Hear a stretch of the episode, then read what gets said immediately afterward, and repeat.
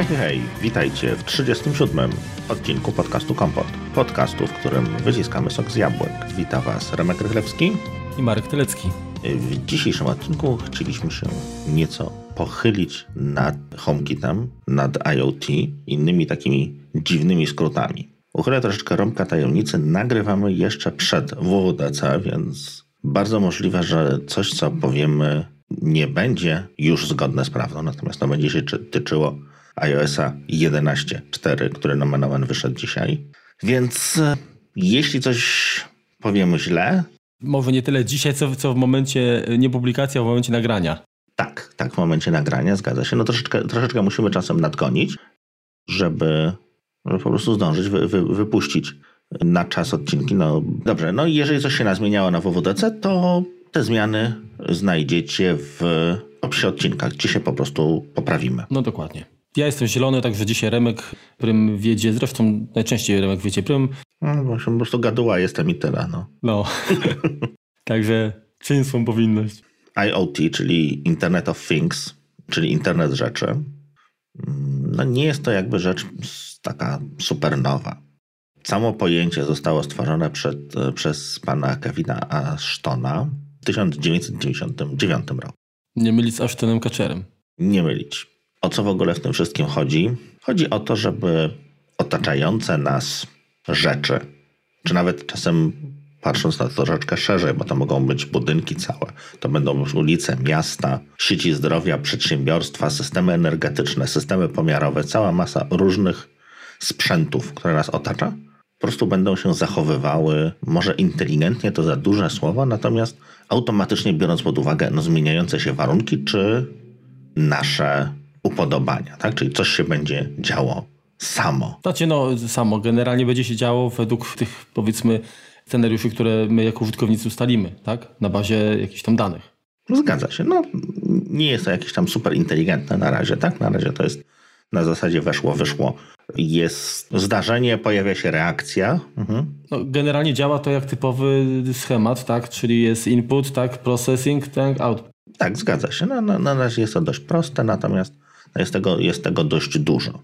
Apple promuje swój HomeKit już od kilku ładnych lat. Przy czym to nie jest tak, że, że ten HomeKit jest jakiś taki cudowny, tak?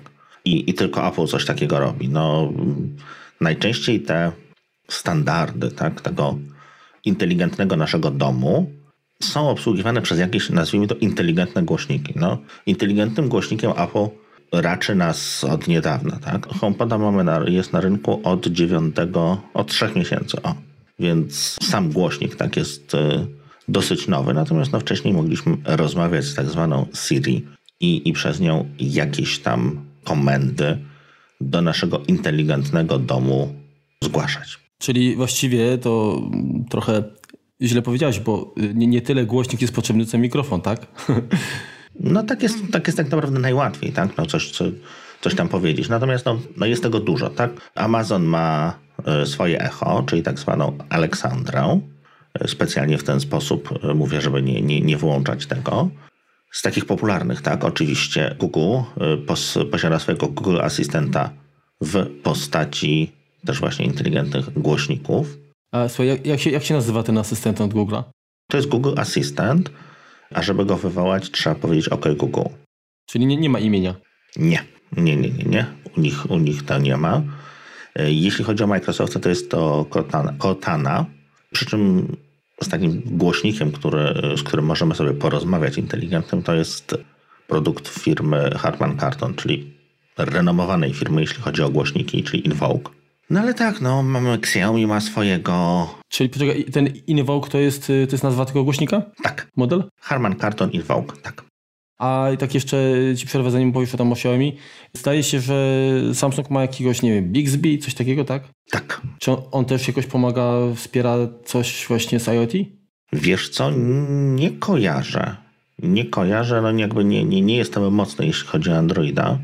Wiem, że Samsung na pewno kupił firmę, która się zajmowała IoT właśnie, tylko nie pamiętam teraz, gdzieś mi nazwa wyleciała. Natomiast też, też coś w tym, tym, tym mieszali. No, co tam jeszcze jest? No, Baidu ma swoje urządzenia. Essential, czyli to jest taki y, się kojarzy, to z, dokładnie z Andy Rubinem. Też, też coś tworzy jak Ambient OS do, do takich urządzeń właśnie inteligentnych. Jest tego dużo, bardzo dużo tak naprawdę. I to teraz rozmawiamy tylko w tym momencie, w jaki sposób to my komunikujemy się z tymi urządzeniami. Czyli generalnie standardy interfejsów komunikacji, tak? Użytkownik i asystent powiedzmy Tak, i, i na, tej, ostatniej mili, tak? Natomiast jeśli chodzi o, o, o same standardy komunikacyjne między tymi urządzeniami, tak? No to już jest kompletna wieża Babel, jeżeli chodzi o systemy i zgodności i języki komunikacyjne.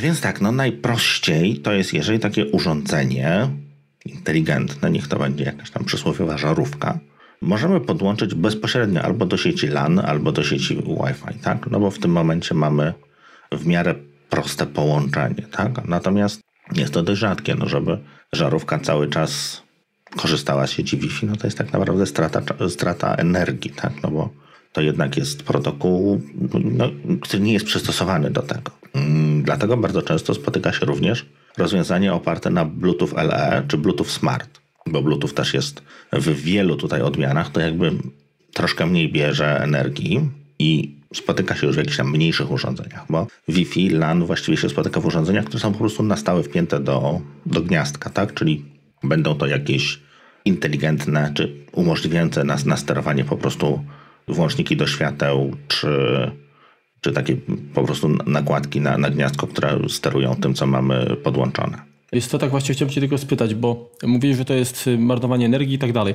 ale na przykład jest takie rozwiązanie, które Apple stosuje w y, swoich produktach, czyli Bonjour Proxy, tak? Czy, czy dokładnie Bonjour Sleep Proxy.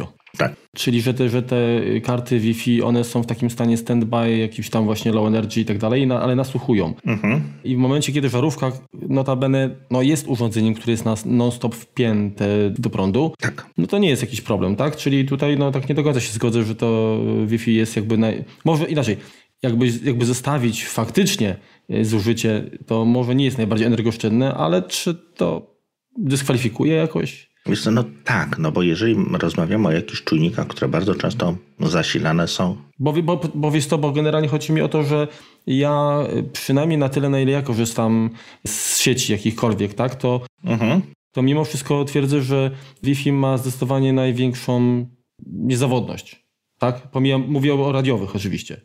Przynajmniej takie jest moje odczucie, tak? No oczywiście, jeżeli mówimy o jakimś zużyciu pasma danych tylko na jakieś y, niewielkie dane komunikacyjne, to to faktycznie wystarczy wtedy Bluetooth, tak? Natomiast y, ja patrzę też pod kątem powiedzmy jakiejś jakości i tak dalej. No w przypadku nie wiem, streamingu na przykład, czy wideo, czy audio jakoś y, na Bluetoothie, to mam jednak wrażenie, że, że nie działa to aż tak dobrze. No bo to jest jeszcze kwestia przepustowości tak naprawdę.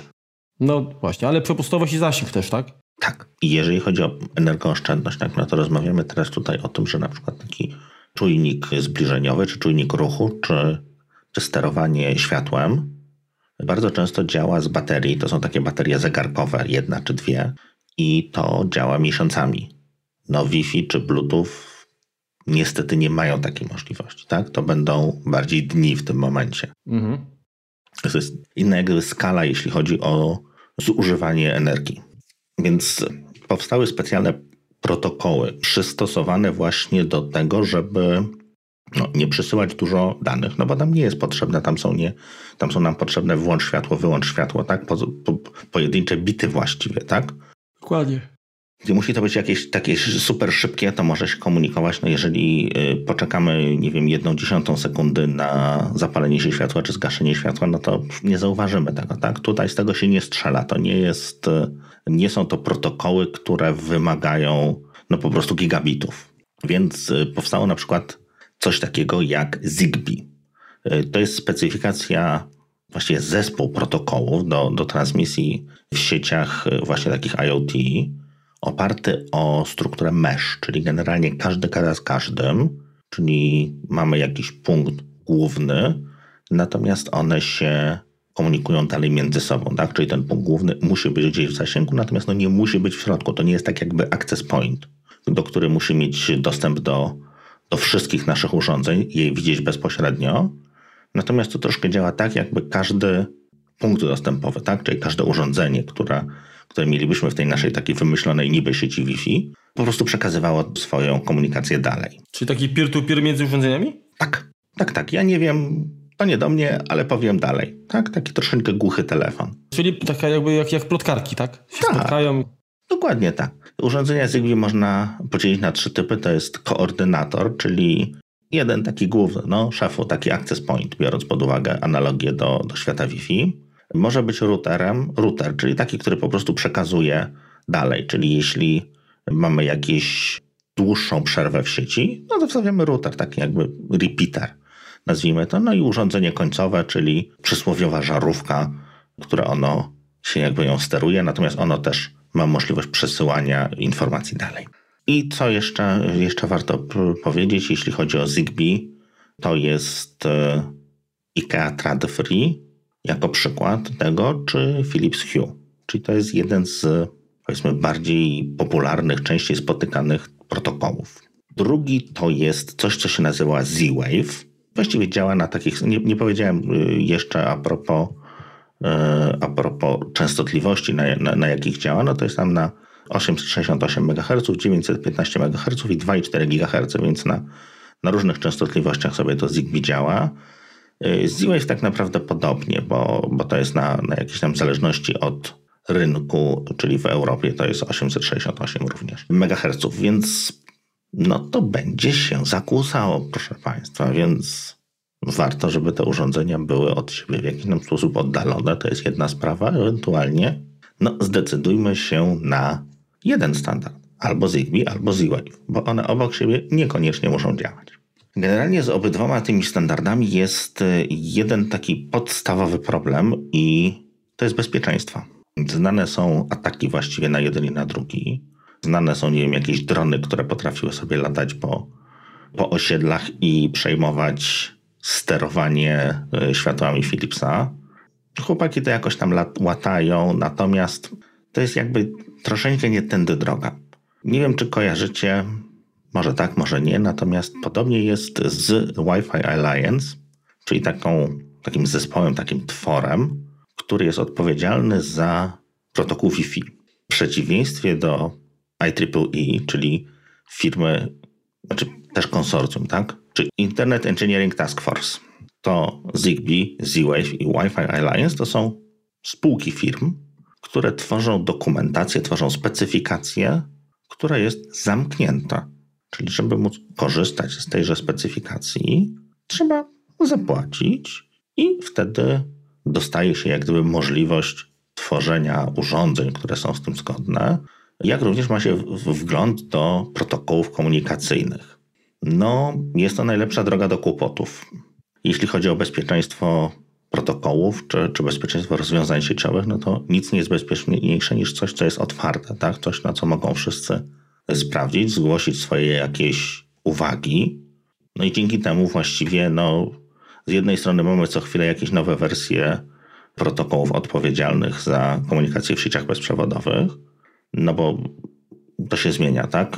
Oprócz tego, że te sieci się, się robią szybsze, no to zmienia się tam szyfrowanie. Mieliśmy TKIP, ASA. Mm, Jeśli chodzi o szyfrowanie, no to mieliśmy y, na samym początku Web, web. Mieliśmy web, który tak naprawdę w- web WPA. wziął w łeb, bo był zupełnie niebezpieczny.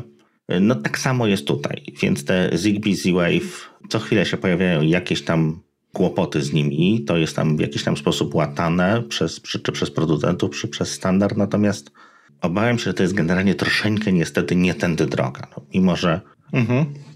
Rałka ci przerwę. To są protokoły i one są niezależne od medium, czyli czy generalnie czy to jest Ethernet, czy Bluetooth, tak, to one mogą działać, tak? nie, one są zamiast Ethernetu, zamiast Bluetootha, one są radiowe. Okej, dobra. Radiowe działają tam na mm, 860 MHz. Dobra, okej, no no tak, bo to właśnie mówisz o tych dronach, tak sobie po prostu się zastanawiam, jak, jak, to, jak to jest. Nie, to tak naprawdę dron sobie może, pod, znaczy nadajnik, odbiornik czy Zigbee czy Z-Wave możemy kupić w postaci no, tak naprawdę pendrive'a, tak? I podłączyć go do Raspberry Pi'a. I w ten sposób z tym sterować. Mhm. Powiedzmy, jeżeli mamy, nie wiem, tam Wi-Fi, tak, czy, czy Bluetooth, no to generalnie mamy jakieś przepustowości, jakieś zasięgi i tak dalej. Tak. Jak tutaj wygląda ten Zigbee, Z-Wave? Tak pytam, bo jestem totalnie zielony, mhm. a chciałbym wiedzieć, czy to jest, nie wiem, kwestia, nie wiem, tam 10, 100 metrów, nie wiem, od czego to zależy na przykład. Wiesz co, jeśli chodzi o zasięg, już zaraz muszę spojrzeć, mm, sekundeczkę. Wiesz co, wydaje mi się, że to jest rzędu tam 100 metrów chyba na papierze.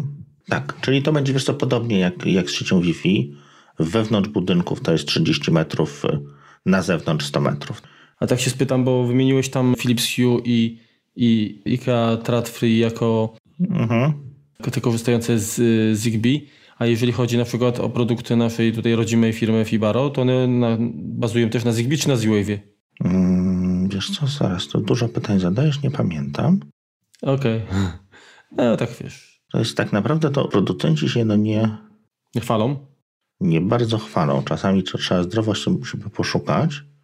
To jest, I to jest bez sensu, tak? Bo w tym momencie kupisz, tak jak mówisz, jedno urządzenie od jednego, e, drugie od innego i skoro te protokoły się nie lubią i się gryzą, no to jest prosty sposób na to, żeby się sobie włosy wyrywać, tak? Fibaro to jest Z-Wave. Dobrze, tak. Przy czym teraz taka drobna uwaga. Weźmy pod weźmy na przykład, y, jak już jesteśmy przy tym Zigbee, o którym, jakby, ja nie mam nic Z-Wave'owego w domu, więc, więc tutaj się, się nie wypowiem. Jeśli, jeśli y, weźmiemy to Zigbee, no i, czyli kupujemy sobie bramkę trat, do, do Tradfree, no bo jasne, że musimy tym jakoś sterować, więc potrzebujemy urządzenie takiego tłumacza, takie międzymordzie, które sobie podepniemy do, do Wi-Fi czy do Ethernetu i które po prostu zacznie nam tymi żarówkami czy, czy innymi urządzeniami sterować, czy, czy, czy brać, z nich, y, brać z nich input, jeżeli to będzie jakiś, czy wejście, jeżeli to będzie jakiś czujnik ruchu na przykład, tak? Czyli weźmiemy sobie właśnie tą IKEA, no i dokupimy do tego Philipsa. Mimo, że to jest ten sam protokół, to niekoniecznie to będzie chciało ze sobą gadać. To jest pierwsza sprawa. Druga sprawa. Mimo, że to jest ten sam protokół, to żeby się z, taką, z takim urządzeniem połączyć, potrzebujemy jakąś aplikację, najczęściej na smartfonie, żeby to skonfigurować. Podnieść firmware w takiej żarówce, co się niestety często dzieje, no bo te protokoły się zmieniają, tak jak mówiłem, no to już wtedy musimy mieć niestety urządzenie, czyli bramkę również producenta, tak? Bo nie podniesiemy żarówki Philipsowej, którą mamy podłączoną pod y, tratwy Więc to jest masakra. Musimy się tak naprawdę zdecydować na, na to, żeby mieć kilku producentów z kilkoma rozwiązaniami. Mimo, że to są jakieś tam standardy, to one czasem ze sobą działają, a czasem nie. To jest tak jak w telekomunikacji. Standard to dobra rzecz, dobrze jak każdy ma własne. No właśnie, to jest ten element, który mnie powstrzymuje przed wchodzeniem w takie zabawki, bo one kuszą i to jest naprawdę fajne, ale to, że tak naprawdę każdy sobie rzepkę skrobie, no mnie zniechęca, tak? No bo kurczę, ja przez to, że ci firmy nie potrafią dogadać i ujednolicić pewnych rzeczy, tak na, na tyle, żeby wyeliminować problemy y, przez tą swoją pazerność, no to niestety my tracimy jako klienci, tak? No niestety tak. No, no jest to jakby jedno wielkie pole minowe. Ja już kilka razy na tym polu minowym wyleciałem w powietrze, mimo że staram się dość rozsądnie podchodzić do zakupów, nie kupować wszystkiego, co się świeci albo mruga. Też czasem czytać o tym, natomiast już też kilka razy, to, to jeszcze, jeszcze, jeszcze opowiem później, natomiast już kilka, kilka już głupot zrobiłem i kilka urządzeń, które, które kupiłem, po prostu nie chce działać z sobą albo nie, nie działa tak jak, tak, jak bym chciał. Kolejnym z takich standardów, które, którymi te urządzenia mogą się komunikować, jest 6LO WPAN, czyli to jest taki dość dziwny akronim od IPv6 over Low Power Wireless. Personal Network, żeby było w całości. No i to już jest na szczęście protokół, który jest tworzony przez IETF-a, czyli Internet Engineering Task Force, czyli to jest protokół otwarty, oparty na RFC, czyli to jest coś, co ma tak naprawdę ręce i nogi i jest szansa, że będzie bezpieczne. I, i a jakie urządzenia to, wspierają?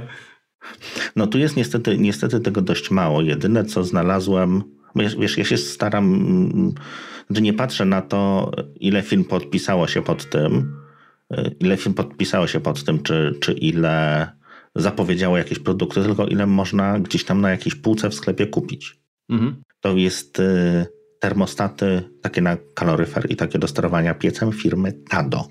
To jest troszeczkę podobne do NetAtmo, które mhm y, które się pojawia, natomiast to, to Tado jest niemieckie, więc to jest, wiesz, dodatkowo, hmm, czy chciałbym mieć coś francuskiego w domu? Hmm.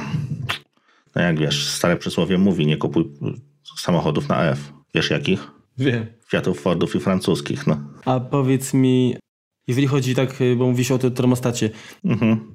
Nest, tak? To było, tak? Co, yy... Nie, to był Tado. Tak, tak, ale mówię Nest w ogóle, tamten co Google tak miał, tak? Tak, tak. Pamiętasz na jakim protokole on pracował? Co to było? Czy to było też z Z-Wave, czy, czy Zigbee, czy, czy co to było? Mm, nie pamiętam, zabij mnie, ale nie wiem. Aha, tak, tylko, to, tylko tak wtrąciłem po prostu, bo tak ciekawość. Czy wiesz co, y, ja wpisuję po prostu Nest i nazwę protokołu, potem nazwę drugiego protokołu i tak naprawdę czego jest więcej, to, y, no to pewnie na tym, y, na tym współpracuję, hmm. jeśli chodzi o, o, o Google'a. Dobra, ale te, tego, tego jakby tato jeszcze nie kupiłem, bo no bo nie. Nie, nie. nie wiem, czy to będzie zgodne z moimi kaloryferami. Kilka ostatnio zakupów było nie do końca trafionych, więc, więc troszeczkę zwolniłem. O, niemiecka solidna dokładność i w ogóle. ja, kajfen, kajfen. No więc tak, mamy jeszcze coś, co się nazywa TREAD. To jest taki protokół sieciowy oparty o też IPv6. Przy czym wiesz co, nie wiem na ile on jest częścią tego 6LO WPAN. Natomiast no to też się gdzieś tam spotyka. W, w dokumentacjach przyznam szczerze, nie wnikałem aż tak głęboko. Wydaje mi się, że to jest jakaś część tego, czy, czy coś zawiera coś, coś jest. O, Nest na tym działa, żeby było śmieszniej. No, no widzisz. No. Czyli się wyjaśniło. Natomiast na ile, jest to, na ile jest to wszystko zgodne, nie wiem. Tutaj przyznaję się do, do jakiejś tam niewiedzy. Więc teraz tak, no mamy te urządzenia, no i tak jak już troszeczkę mówiłem, żeby te urządzenia chciały nam no, gadać ze, ze światem, który jest oparty o IP, czy, czy jest oparty o Bluetooth, no to jest potrzebna jakaś bramka. No i tak jak już, tak jak już wspomniałem, no niestety bramkę musimy kupić od producenta, żeby móc tym tak naprawdę w całości sterować. No, są ludzie, którzy sprawdzają, tak, no, no można, jeżeli potrzebujemy mieć jakąś tam, zdecydowaliśmy się, nie wiem, na na IKE, na to, na to trad free. No i wyjdzie nam, że to super fajnie, natomiast chcielibyśmy mieć jakąś żarówkę, której ta IKEA nie robi, tak? No bo potrzebujemy jakiś, z jakimś dziwnym gwintem, tak? Natomiast robi to Philips. Są ludzie, którzy takie rzeczy po prostu sprawdzają, czy, czy, czy jest to zgodne, czy to działa. Natomiast no to jest tak, jak to będzie działało w tej wersji, którą mamy teraz i, i zarówno firmware'u żarówki, którą kupimy w sklepie, jak zarówno i, i firmware'u naszej stacji. Więc e, równie dobrze, jeżeli kupimy tą żarówkę po miesiącu, to ten firmware może być nowszy, starszy, inny. My go już nie zmienimy, tak? Więc to, to nie jest powiedziane tak, że jak się panu Juśkowi w internecie udało to uruchomić, to nam też to zacznie działać. Niestety nie. Więc jeżeli chcemy mieć zupełną zgodność, to do tej jednej żarówki powinniśmy dokupić również bridge'a, taki, taki most, bramkę Philipsową. Kolejna sprawa, no teoretycznie moglibyśmy nie kupować w ogóle tych bramek, od producentów, tylko kupić jakieś tam uniwersalne i wpiąć to do jakiegoś, nie wiem, PC-a czy, czy Raspberry Pi'a, y, czy innego takiego ustrojstwa, żeby, żeby tym sterować. No teoretycznie będzie gadało, no ale już o jakimkolwiek upgrade'zie firmware'u możemy zapomnieć. Zupełnie. Kolejna sprawa. Nawet jeżeli to urządzenie, mm, które sobie kupimy, będzie wspierało protokół, tak, to będzie, będzie się łączyło z Wi-Fi to wcale nie jest powiedziane, że ono będzie zgodne z naszym HomeKitem, będzie zgodne z naszym Amazonem Echo czy Google Asystentem. Ono jeszcze musi rozmawiać w tym narzeczu, które ci asystenci, tak, czy te, te rozwiązania obsługują. Więc na przykład, jeżeli weźmiemy Belkin Wimo, które, oj, to jest stary, produkt sprzed, sprzed kilku ładnych lat, to on z żadnym HomeKitem nie będzie gadał, bo to jest zamknięty system żeby mm, spiąć to z HomeKitem, musimy, mimo to, że jest to podpięte pod, pod Wi-Fi, kupić bramkę, która po prostu będzie to obsługiwała. Co jest jeszcze, o czym można zapomnieć, czy można nie wziąć pod uwagę? Na przykład firma Kogik, Kogek, nie wiem jak to się czyta. Kugik. Która tam jest dość, dość popularna u nas w Polsce. Kogutek. Też może być. No i całkiem mają fajne produkty, bo zamiast kupować inteligentne żarówki możemy kupić inteligentny włącznik do światła na przykład. Więc no, to jest to, no, wygląda jak oszczędność, tak? Nie wiem, w jakimś tam kinkiecie mamy cztery żarówki, no żarówka IKEA kosztuje około 50 zł, no to jest tam dwie stówki, tak? Natomiast taki włącznik do światła możemy kupić za niewiele, ponad to tam chyba 150 zł, tak? Mówię, mówię trochę z głowy. No więc wygląda to ciekawie, tak? No poza tym nie musimy się martwić, że mamy jakieś tam dziwne gwinty, które no nie, nie, nie szczególnie... Mm, jeżeli to jest normalny gwint, taki duży, to znajdziemy do tego wszystkie, wszystkie możliwe żarówki. Natomiast jeżeli to będzie jakiś tam GU10, to jeszcze są, natomiast jest już ich mniej. Natomiast jeżeli to będzie jakiś tam wynalazczy, które, który sobie tam designerski jakiś kupiliśmy, no to jesteśmy, możemy być ugotowani, więc taki kugik czy kogek y, jest fajnym rozwiązaniem. Natomiast no, też przekonałem się tak troszeczkę na własnej skórze, że no jakbym pomyślał, to bym tego nie kupił, tak? Natomiast no nie pomyślałem, no włącznik do światła, hmm, tak, super, no tylko, że on potrzebuje zasilania, a u nas w takich klasycznych instalacjach to w włączniku do światła nie mamy zera, mamy tylko jeden przewód, który jest po prostu przerwany, te, te zasilające, tak? Nie ma ani zera, ani nie ma uziemienia, no więc fajne urządzenie, natomiast leży na półce, no nie mam go jak podłączyć, musiałbym zmieniać instalację. Hmm, no popatrz. No, drugim Drugą pułapką, którą też sobie kupiłem ostatnio, to jest e, Logitech, czy, czy teraz Logi to się nazywa, POP. Czyli to są takie włączniczki na troszeczkę podobne do, do Fibaro, chyba Switch to się nazywa. Yy, czyli po prostu włącznik, wyłącznik taki bez, bezprzewodowy, to chyba na Bluetooth działa. No i sobie kupiłem taką wersję super fantastyczną, niby to obsługuje HomeKit, no ale nie w wersji, którą kupiłem, bo kupiłem wersję, która ma dwa przełączniki w zestawie. No, no to co? Kupię sobie takie, co ma dwa, będę miał więcej, prawda? No fajnie, tylko że, że ona nie wspiera niestety HomeKita. Bo powinienem kupić urządzenie, które się nazywa dokładnie tak samo, tylko ma na pudełku napisane HomeKit Compatible. I, no i wtedy by wszystko działało. Natomiast no teraz mam takie, które mogę sobie tak naprawdę wsadzić w buty. A czy ten, czy sprzętowo one się tak bardzo różnią, że nie można, nie wiem, innego firmware'u na przykład tam wgrać i to... Tak, to jest zupełnie inne urządzenie. Wiesz co, nie wiem, wiesz co, co siedzi w środku, tak? No, wygląda to tak samo, to drugie też już zamówiłem, no czekam aż to przyjdzie, no trochę piany na ustach dostałem, no ale jak już kupiłem tam trzy, trzy, trzy włączniki, no to, to niech się do czegoś przyda. Trzeba tutaj, no ja popełniłem błąd, jakiś jeden, drugi, no, no może wam się, wam się uda, no nie popełniać tych błędów. Natomiast no, trzeba tutaj bardzo niestety uważać, no bo to, to jest jedno wielkie pole minowe i, i tak jak już mówiłem, zgodność czy, czy bardzo często nawet kupujemy jakieś tam urządzenie, które wygląda, że jest tanie i jest na nim napisane, że, że wspiera HomeKit i fajnie okazuje się, jak je przywieziemy do domu, że ono potrzebuje właśnie stacji bazowej. Bo ono samo z siebie to pan nie robi nic.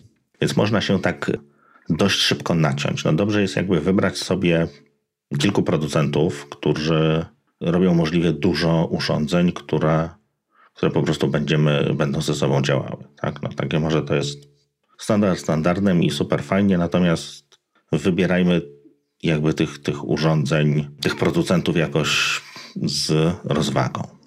Znaczy, wiesz co, problem jest taki, kurczę, że nawet jeżeli widzisz, no, firmy takie jak chociażby Logitech, tak, czy czegoś się okazuje, że też chyba sami nie wiedzą tak naprawdę, wiesz, no, wydaje mi się, że, że te firmy, które stawiają jakby na jedno rozwiązanie, są chyba bardziej wiarygodne niż tacy, którzy tak naprawdę sami nie wiedzą, co chcą sprzedawać, produkować. No tak, no przecież no. Chcą wspierać wszystko i wiesz, taka, takie roz, ty powiedzieć, rozdrabnianie się zawsze mnie irytowało. Mhm. Znaczy wiesz, no Logitech miał to swoje harmony, tak, czyli te piloty. Mhm.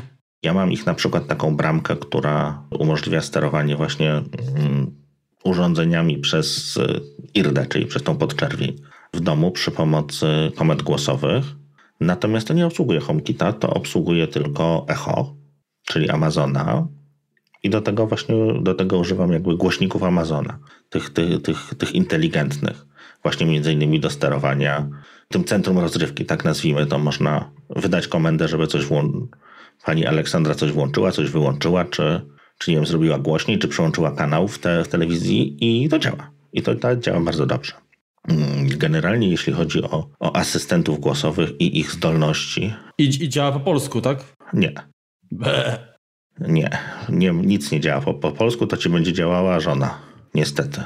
I to też nie zawsze.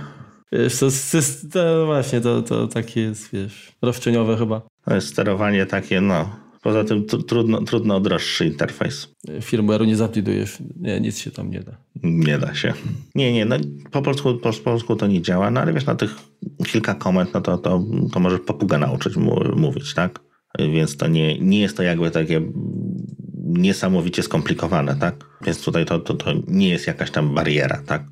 Co jeszcze? Nie powiedziałem o jednej, jednej ważnej rzeczy, która, jednym ważnym protokole, który się często spotyka, to jest LoRa. LoRaWAN na przykład. To taki protokół, który jest jakby podobny do, do Zigbee czy Z-Wave'a, natomiast on bardziej działa na zewnątrz. To jest taki protokół, który nie wiem, komunikują się ze sobą nie wiem, światła na przykład y, uliczne, latarnie, czy sygnalizacja świetlna. Bardzo tym protokołem się zainteresował Intel i na przykład produkuje dla firmy Skanska kaski dla pracowników budowlanych. No, to wygląda jak taki kask, któremu ktoś przyponcował na górze taką cegłówkę, więc to jest takie średnio. Czy wygodne, to nie wiem, może to nikomu nie przeszkadza, natomiast wygląda to dziwnie, natomiast no, no coś, takiego, coś takiego produkują, no sprawdzają, czy, czy dany kask się, się porusza i czy na przykład e, ostatnio nie miał jakiegoś dużego przyspieszenia i szybkiego zdarzenia z gruntem, tak? No chodzi po prostu o to, że jeżeli jest duża budowa, to czy, czy pracownicy są tam bezpieczni, tak? No jeżeli nagle jego wysokość w ciągu sekundy się zmniejszyła o, o tam, nie wiem, 20 metrów, to znaczy, że należy wyzywać karetkę. Chyba raczej... No, no i karetkę, no. Powiedziałem parę, parę miłych słów o Alexie, Amazon Echo.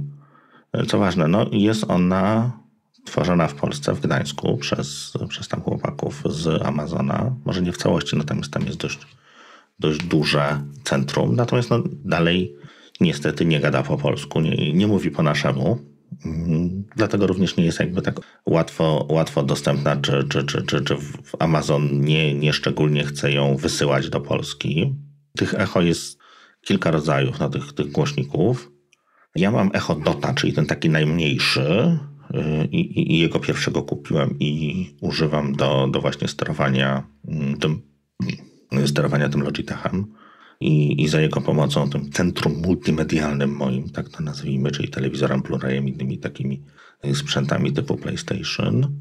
O tyle fajnie to działa, że po prostu po wydaniu danej komendy potrafi, nie wiem, włączyć telewizor, włączyć y, wzmacniacz, ustawić właściwy kanał HDMI, uruchomić konsolę, tak? No więc to jest, to jest dość wygodne, no bo nie trzeba tam w pięciu miejscach klikać.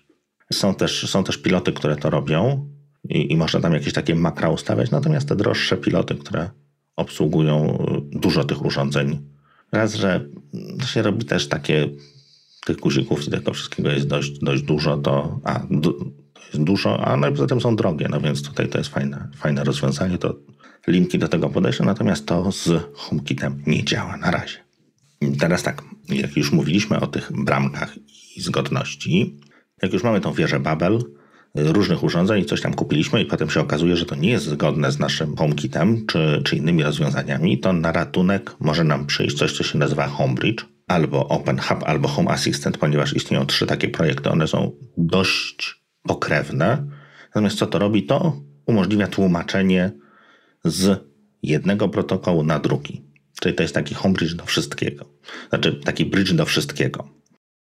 Czyli to jest, to jest troszeczkę taka idea jak if this then that, jest? Tak, dokładnie, przy czym no to jest lokalnie na szczęście, tak? To, to stawiamy sobie gdzieś w domu, nie wysyłamy tych naszych informacji, żeby zapalić żarówkę w kiblu gdzieś do Stanów czy, czy, czy do Chin, żeby było śmieszniej, tylko po prostu działa to, działa to lokalnie. Więc działa to dość szybko.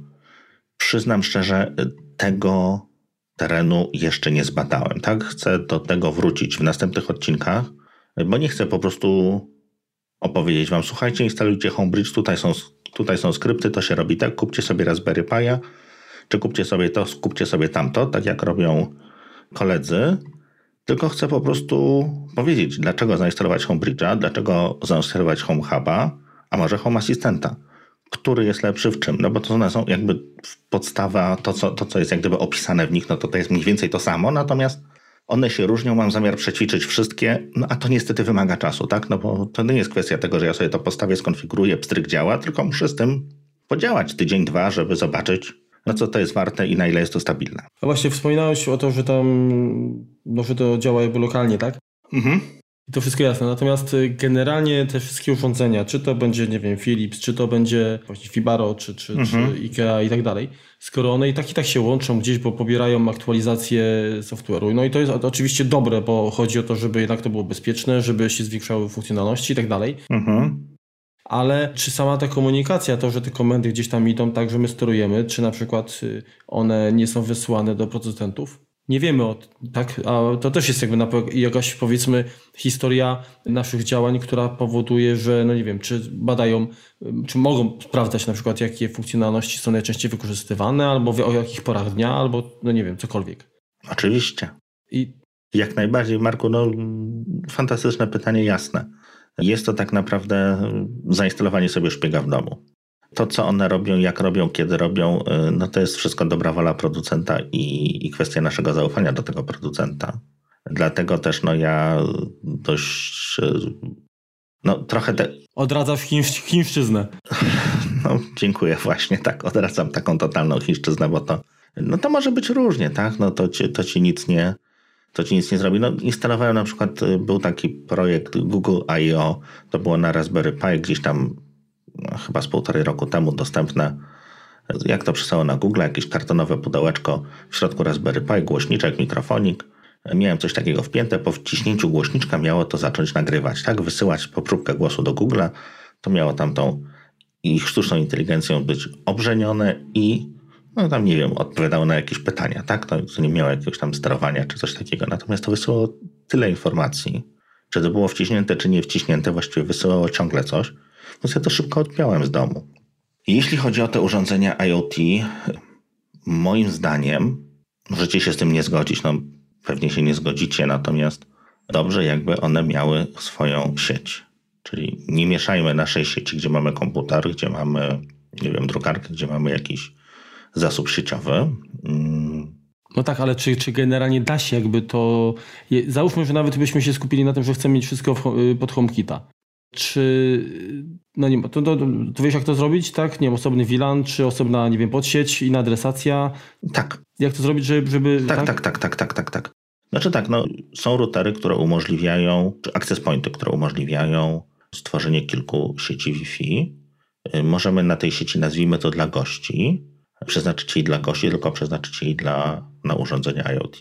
I jest taki, powiedzmy, idea, nazywa się to trzy głupie routery, czyli podłączamy sobie do naszego routera, na przykład dostajemy, na przykład dostajemy router od kablówki, tak? Podłączamy do niego swój, swój router, do którego wpinamy swoje urządzenia, swój komputer, tak? I podłączamy obok niego drugi router z inną adresacją, do którego podłączamy tylko urządzenia HomeKitowe. Natomiast to są dwie sieci w domu, tak? Dwa, dwa access pointy, dwa switche.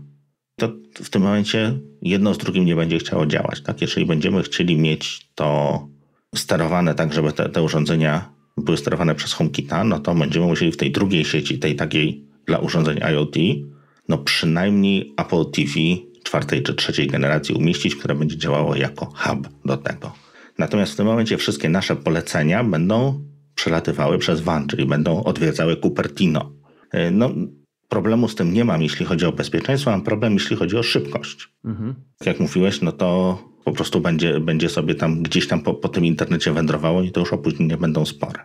No i teraz, teraz tak, jeżeli, jeżeli byśmy chcieli mieć tak, że sterujemy w domu tylko i wyłącznie Mhm. i chcemy to, żeby to działało tak naprawdę w sieci lokalnej i no powiedzmy, że w tym momencie to jeżeli sobie odłączenie od internetu, to jakby problem bezpieczeństwa w pewnym sensie się rozwiązuje sam, tak? Bo my się odcinamy od świata zewnętrznego, ale w tym momencie już nie da rady tego oddzielić w osobnej sieci, tak? Yy, Pod tym względem da radę, jeżeli, jeśli, jeśli zostawimy tam jakieś urządzenie, tak jak, tak jak mówiłem właśnie, yy, na przykład No ale, ale skoro Apple TV się komunikuje y, z Cupertino, mhm. a nie będzie wyjścia do internetu, no to, to już się nie da. nie, no to to musi mieć, te, te urządzenia muszą mieć wejście do internetu.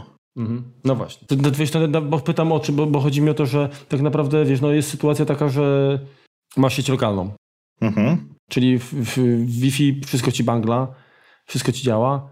Problem jest po stronie ISPA tak, że, że nie masz wyjścia, no nie masz Mhm. internetu, tak, no ale generalnie wszystko działa. No i nagle się okazuje, że, że jednak nie, że w tym momencie to, to co ci działało, przez to, że nie ma, nie ma możliwości właśnie wysłania tam tego jakiegoś mhm. zapytania czy, czy, czy jakieś komendy, no przestaje działać. Jeśli chcemy, żeby nam to działało lokalnie, bez, yy, bez tego, znaczy tak nie, nie możemy tego odciąć od komunikacji z zewnątrz, to musimy mieć na, na routerze działające coś, co się nazywa multicast DNS, czyli wsparcie dla właśnie routingu dla protokołów typu AirPlay, typu generalnie tych protokołów opartych o e, Bonjour. I jest to wykonalne, natomiast no, trzeba sobie to jakby skonfigurować i, i, i również uruchomić. To jak ja mam to zrobione, to raz, że to jest na razie testowe, tak? To nie jest, to jest dość, dość często się, to dość szybko się ta, ta moja sieć e, zmienia, czy tam dynamicznie jest i różne tam urządzenia są dodawane, wyjmowane, bo, no bo testuję to. Mm, natomiast no mam na, osobnej, na osobnym WLANie te urządzenia, które są wpięte przez Ethernet, na osobnej sieci Wi-Fi no, z tego samego access pointa, natomiast na, na innej sieci Wi-Fi te, te, te, te urządzenia wpięte i kilka portów, kilka usług mam jakby wypuszczonych pomiędzy tym, moją siecią, gdzie mam komputery, a tą siecią z HomeKitowymi urządzeniami, czy generalnie z Internet of Things, po prostu przepuszczone, a resztę blokuje. To jest jedna sprawa. Druga sprawa, jeśli chodzi o tych takich asystentów głosowych, czyli w moim przypadku Alexa, czyli EchoSpot, czyli taki mały, mały okrągły głośniczek z ekranikiem i, i mały okrągły głośniczek bez ekraniku, to po prostu sprawdzam, ile danych one wysyłają. Mam na routerze możliwość po prostu sprawdzenia, gdzie wysyłają, co wysyłają no jasne, że te urządzenia Amazonu wysyłają do Amazonu, do, do chmury Amazonowej wszystko, natomiast no, no widzę po ilości danych, ile tego jest, tak? No jeżeli nagle będzie tego dość, dość dużo, no to się będę przy, przy, przyglądał, co się dzieje, że, że po prostu to wysyła dużo danych, tak? No, przyglądał się bliżej, co, co on rzeczywiście tam wysyła i jakoś tam blokował. Natomiast tak naprawdę to jest to, dla normalnego użytkownika oparte tylko i wyłącznie na zaufaniu do producenta. No tak, zaufanie, czyli waluta przyszłości. tak. No tak, bo wspomniałeś o tym, że właśnie Apple TV może służyć do takiego zarządzania jakby w podsieci, tak, w, w innej sieci tymi urządzeniami i również pozwala to, podobnie zresztą jak, jak HomePod właśnie, mhm na, na, na zarządzanie z zewnątrz, czyli powiedzmy jedziemy gdzieś tam sobie na wakacje, tak? I za pomocą tych dwóch takich pośredników, tych centrów zarządzania mhm. Y, mamy dostęp do tych urządzeń i możemy kontrolować po prostu pod swoją nieobecność zdalnie. Tak, tak, przez, y, przez aplikację y, HomeKit wbudowaną w iOS-a można zdalnie włączać, wyłączać światło, czy zobaczyć, czy, czy, czy, czy sprawdzać status czujników, czy podglądać jakieś tam kamerki. Generalnie tak, biorąc pod uwagę rozbudowanie tego i w sensie ilość urządzeń, które, które to wspiera, czy, czy funkcji, no to mm, rozwiązanie Apple'a jest stosunkowo zachowawcze, tak? Jeśli chodzi o Amazona, to przede wszystkim możemy sobie tam wgrywać, to się nazywa skills, czyli możemy... Skills? Skills, tak. Czyli możemy dodawać jak gdyby funkcje, pisane przez no, tak zwanych dobrych ludzi, wielu, czy, czy firmy, czy, czy, czy użytkowników, czy, czy deweloperów generalnie, które potrafią obsługiwać jakieś urządzenia, czy obsługiwać jakieś serwisy, tak. Nie wiem, słuchać radia możemy przy pomocy jakiegoś takiego rozszerzenia. Jest to zupełnie programowe i po prostu dodajemy jak gdyby funkcję tego właśnie skilla naszej Aleksandrze i ona to wykonuje. No jeżeli chodzi o rozwiązania Apple, no to nie ma czegoś takiego, że wpinamy sobie jakiś plugin i nagle, nie wiem, potrafi obsługiwać podcasty z Overcasta albo potrafi podawać jakieś dodatkowe informacje, tak?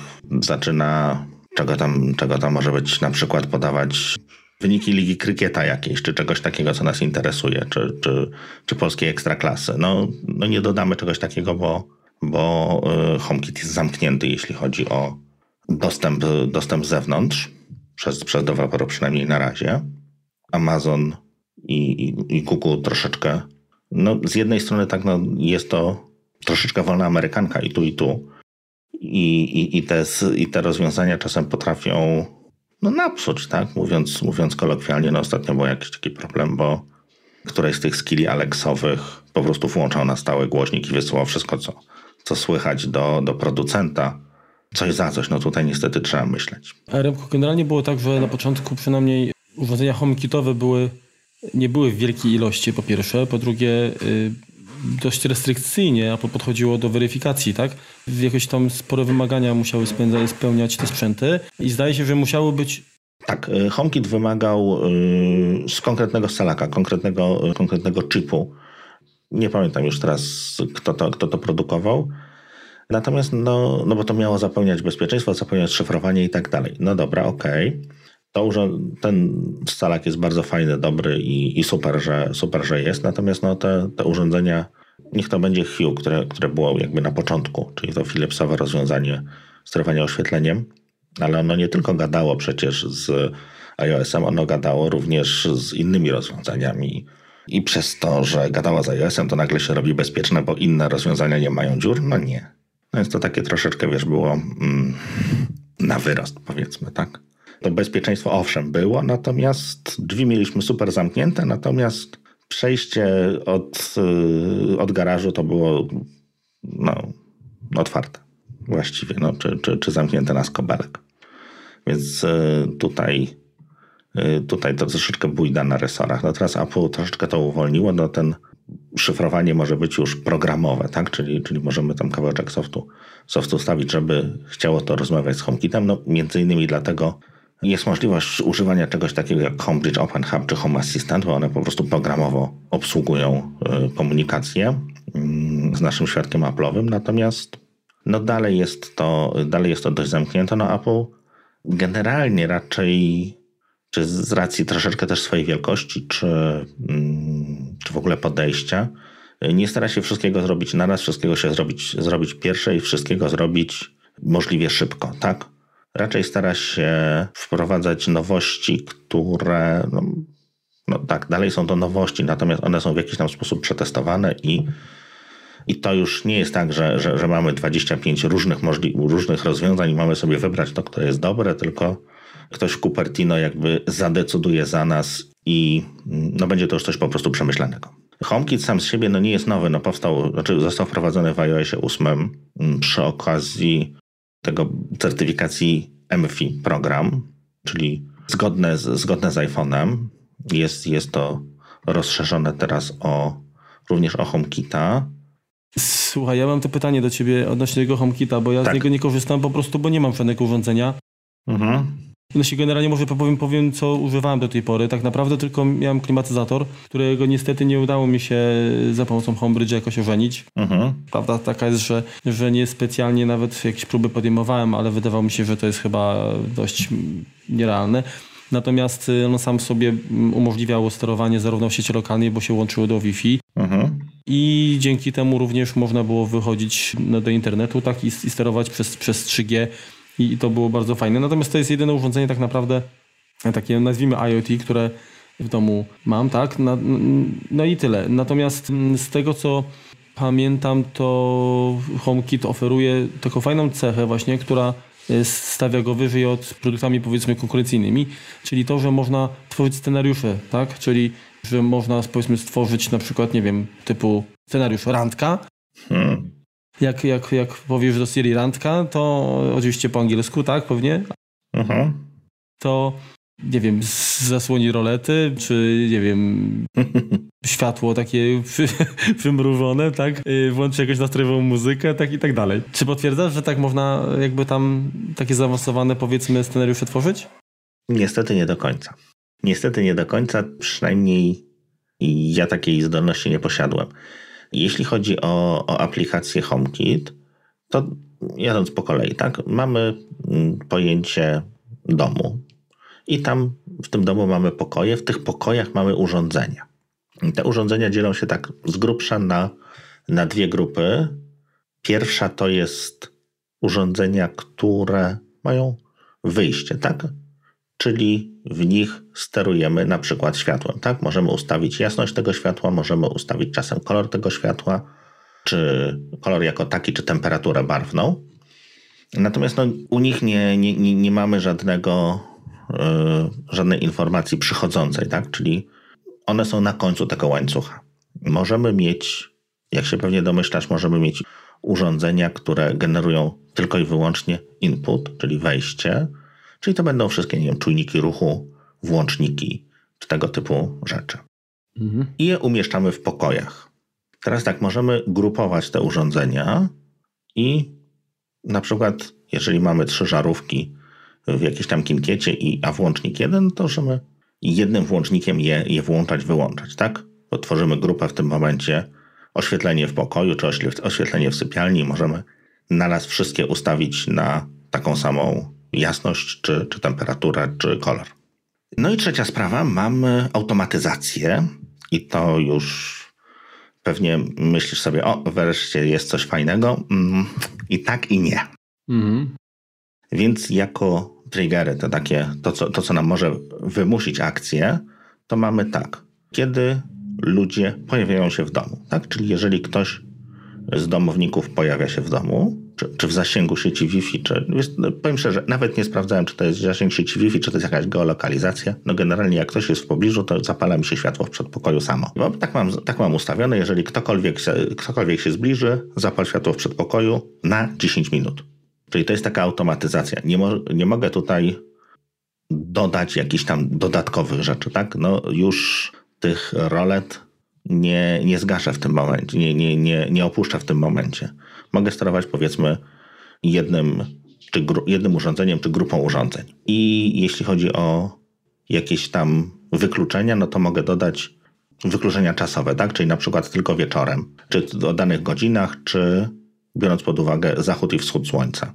Natomiast dnia tygodnia już nie mogę ustawić, tak? Że zapalaj tylko w czwartki. Już nie ma takiej możliwości. Ok?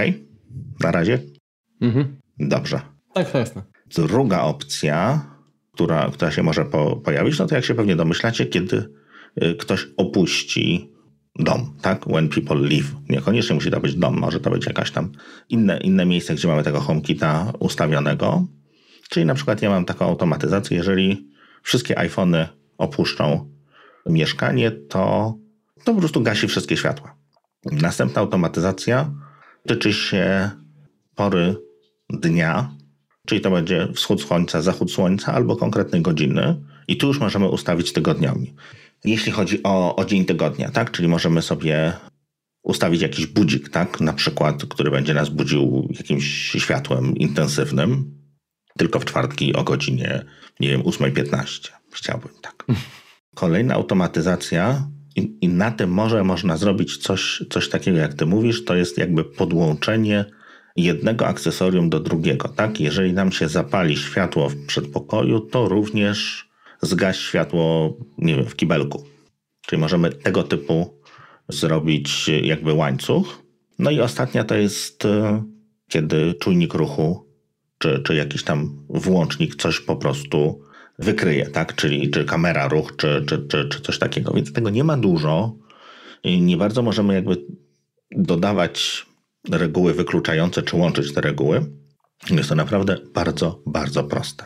Jest co, tak sobie myślę, bo ja teraz wiesz, mogę tam trochę strzelać tak na ślepo, ale z tego co pamiętam, to kilkanaście lat temu to już chyba yy, było takie rozwiązanie, się nazywało Lone Work. Uh mhm. -huh. yy, I ono chyba cały czas funkcjonuje. Z tego co kojarzę, to to yy, nie wiem jak dziś, ale wtedy to było totalnie jakby niezależne od internetu. Mhm.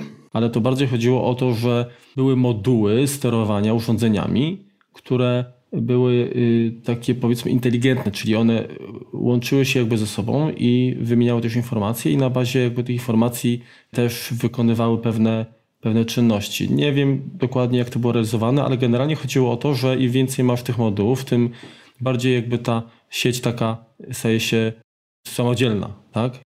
Mhm. Robi, coś tam działa.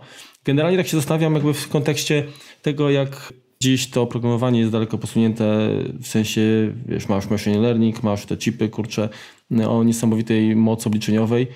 Jak to będzie wyglądało wkrótce, tak? Czy te urządzenia IoT będą, powiedzmy, na bazie jakichś tam scenariuszy utworzonych przez użytkownika, mhm i na, na bazie informacji, które zbierają ich czujniki, może będą po prostu optymalizować same te, te scenariusze i, i, i zadziaływać, bardziej oddziaływać, powiedzmy, czy zadziaływać nie tak jak my ustaliliśmy, tylko jednak w bardziej adekwatny do sytuacji sposób. Mhm. No wiesz, no to jest jakby cały czas jakiś tam wiek dziecięcy tych urządzeń czy rozwiązań. No prędzej czy później no to będzie jakaś tam inteligentna lodówka, która, która będzie sama zamawiać mleko. Zobaczymy. Z jednej strony to powiem ci, że, że trochę się boję, bo to taki Skynet, tak? No tak. Nie no, trzeba wiesz, no, z, z rozwagą jak gdyby to, to kupować i 10 razy przeczytać instrukcję i, i, i sprawdzić wszystko najpierw, czy to rzeczywiście będzie działało, bo no jest różnie, jest różnie niestety. Jeszcze wracając do, do samego HomeKita, no na przykład jeżeli mamy to inteligentnie, inteligentne gniazdko, tak, czyli, czyli sobie możemy, możemy sterować jakimś tam, niech to będzie jakiś tam piec, czy niech to będzie, nie wiem, jakiś, jakiś grzejnik elektryczny, tak. Mhm. Mamy czujnik temperatury, mierzymy temperaturę, jeżeli spada poniżej jakiejś wartości, włączamy z pomocy tego inteligentnego gniazdka jakiś średnio inteligentny grzejnik. Jeżeli temperatura nam się podniesie do jakiejś zadanej wartości, to po prostu go odłączamy. I to no, będzie, będzie sobie działało, tak? Tylko wiele z tych, z tych urządzeń, z tych inteligentnych gniazdek, oprócz tego potrafią policzyć, ile prądu zużyły urządzenia, które są do nich podłączone. Czyli możemy sobie zobaczyć, czy to nam przynosi jakiś tam zysk, no bo możemy ten wiem, grzejnik mieć włączony zawsze na jakimś tam wiem, mniejszym biegu, tak? Na, na jakiejś tam dwójeczce, natomiast albo sterować nim inteligentnie na jakiejś piątce, tak? Po prostu dajemy kopa i, i nagrzewamy to mieszkanie od razu.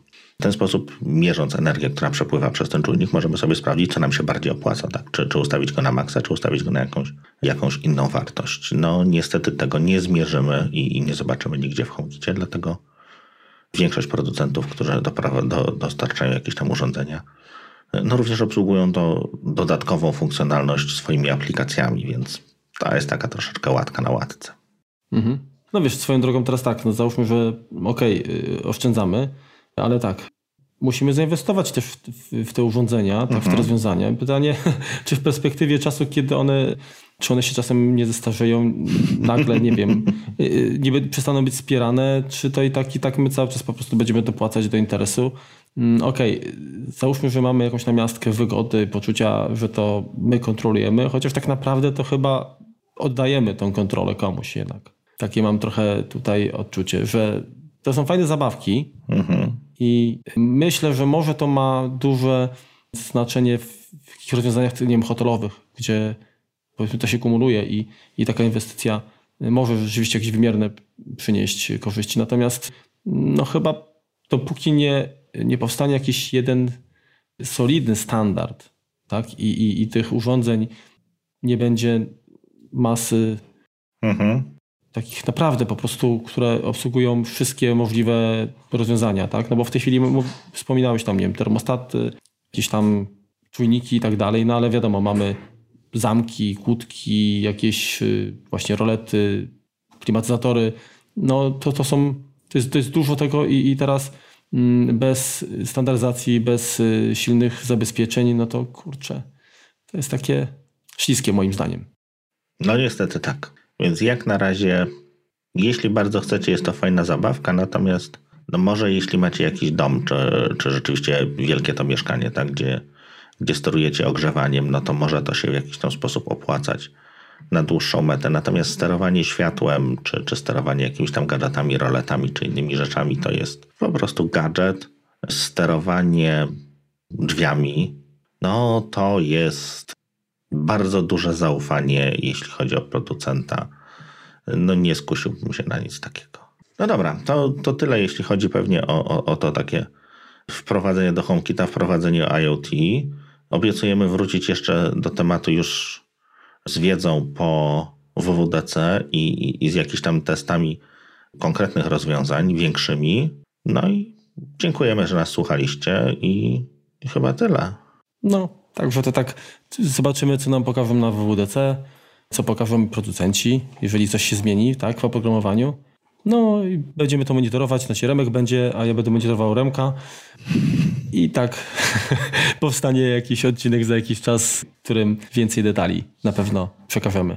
Przy czym no to potrwa, no w tym postaramy się w tym roku jeszcze coś w temacie Internet of Things nagrać. No i myślę, że chyba... Dziękujemy za... Tak, dziękujemy. Za uwagę. Komentujcie, na Twitterze, komentujcie na iTunes i do usłyszenia. Do usłyszenia, pozdrawiamy. Na razie, hej, cześć. Cześć. No tak średnio to mi wyszło chyba. A bez sensu piernicze. To się wytnie. 80% nie wiem co powiedziałeś. Bo mi się znowu internet skończył. Po prostu już nie ujadę, nie? I, i, i, i ETF. Coś tam... Dobra, dobra, spoko. Już idę, idę. Sorki, sorki. U ciebie też taki gorąc dzisiaj? Daj spokój, ledwo żyję. Teraz już tak trochę, wiesz, się robi fajnie, ale jak byłem piechotą do roboty z powrotem, to myślałem, że umrę. No dokładnie. Teraz tak, no... Wiesz co, coś ci stuka strasznie. Czekaj, czekaj, czekaj, Marek, coś ci stuka. To ty? No, No, stuka, dobra. To da, dawaj jeszcze raz. Mm. dobra, to lecimy dalej, bo tutaj u mnie będzie stukać teraz. Dobra, to wywal to i lecimy dalej, to mów. Tutaj, wiesz, tak wszystko słychać. Tu kurde, jak mrówka pierdnie, to normalnie się niesie na, na trzy piętra. Wiesz, no ja też siedzę, teraz już mi tlenu brakuje, mam zamknięte okno, zaczynam gadać od rzeczy. No i nie wiem, co chciałem powiedzieć. malfunction